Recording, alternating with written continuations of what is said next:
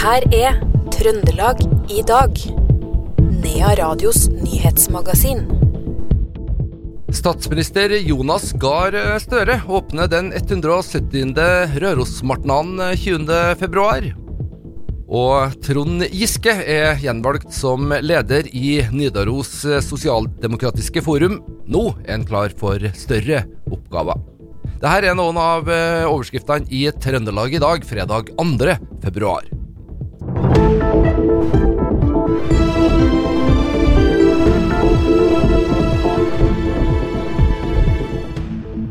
Og vi starter med en avlysning, vi. For nok en gang så må Hans eh, Majestet Kong Harald avlyse en eh, tur til Trøndelag.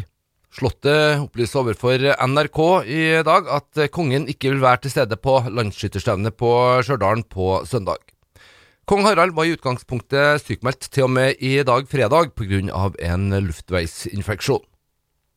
Veier kan bli stengt, og folk bes om å sikre løse gjenstander når eh, meteorologene nå igjen varsler mer uvær i eh, Trøndelag.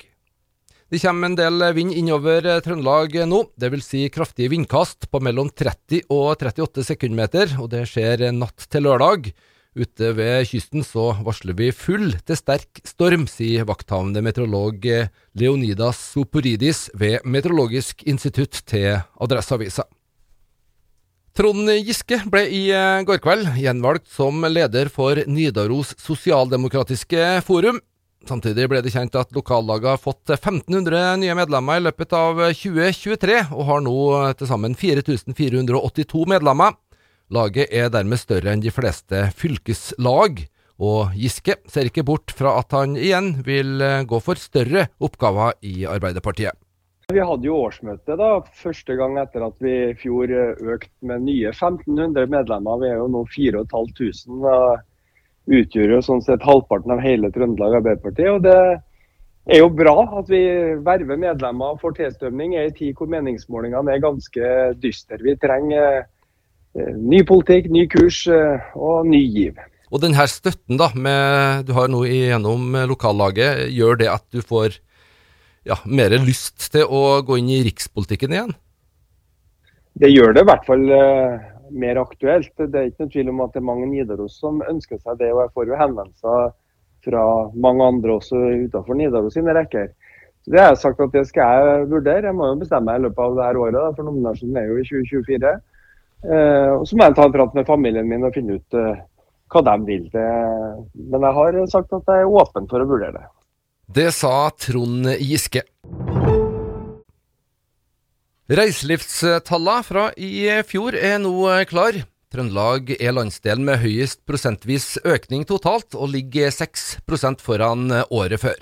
I Trøndelag er det fortsatt en høy andel norske besøkende, med 81% nordmenn og 19% utlendinger. 57% av alle overnattinger i fjor i regionen har skjedd i Trondheim etterfulgt av Innherred og Namdalen med henholdsvis 8 og 7% Eldrebølgen er i ferd med å treffe Oppdal med stor styrke. Politikerne er usikre på hvordan de skal rigge de kommunale tjenestene når andelen eldre over 80 år nesten dobles fra dagens 400 til i løpet av de neste 20 åra. En fersk rapport slår fast at kommunen ikke løser utfordringa ved å utvide sykehjemmet, fordi det er for få eh, helseansatte til å fylle alle stillingene. Ordfører Elisabeth Hals fra Venstre medgir at de på en måte står i en slags skvis. Det er klart Vi kan ikke bygge oss helt ut, men vi trenger mer enn det vi har i dag. Så må vi se på hele bildet. Eh, med noe økning i plasser, så må vi se på fordelingen. Eh, Fins det andre bomuligheter for de som kanskje eh, klarer mer selv, og ikke trenger å oppta plass på Boas f.eks., og så kan vi bygge i andre enden, litt tidligere i omsorgstrappa for å gjøre det enklere. Er det, det, ergoterapeutene blir jo en kjempeviktig ressurs inn her for å se i forhold til hjelpemidler. Hva, hva skal til for at personer kan gjøre mer selv og kanskje spare oss for en del hjemmebesøk som da kan bli unødvendig. Så det, det handler mye om organisering av tilbudet òg. Eh, for vi kan verken bygge oss ut eller kjøpe oss ut av, av den skvisen som vi står i. Det sa ordfører i Oppdal, Elisabeth eh, Hals. Hun ble intervjua av Per Ole Aalberg fra Radio E6. Statsminister Jonas Gahr Støre skal foreta den offisielle åpninga av Rørosmartnan 2024. 170 år etter den første martnaden ble avholdt i 1854.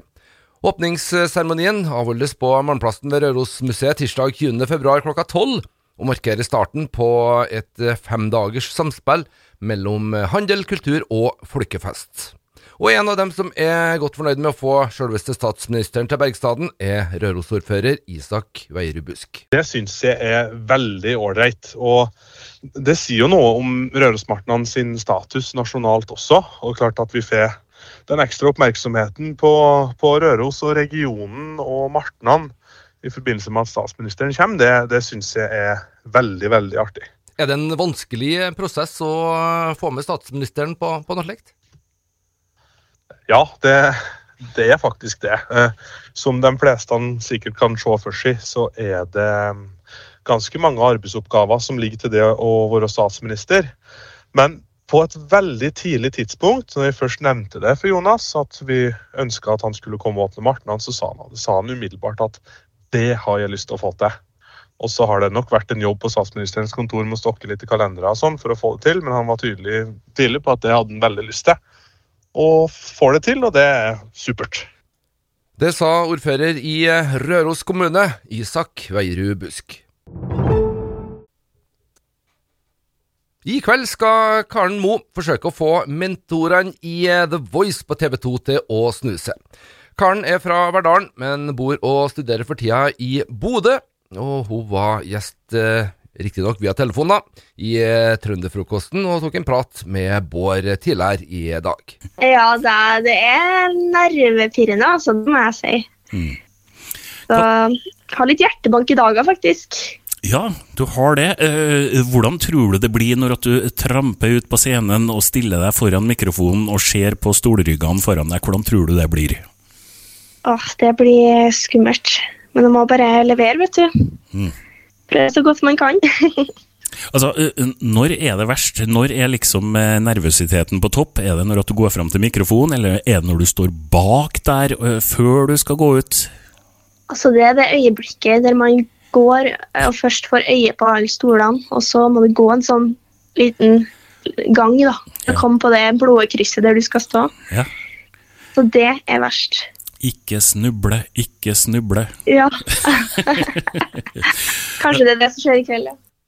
Ja, Vi får krysse fingre og tær og håpe og tro at det ikke skjer, i hvert fall. Vi hørte Karen Mo fra Verdalen, som altså deltar i The Voice på TV 2 i kveld.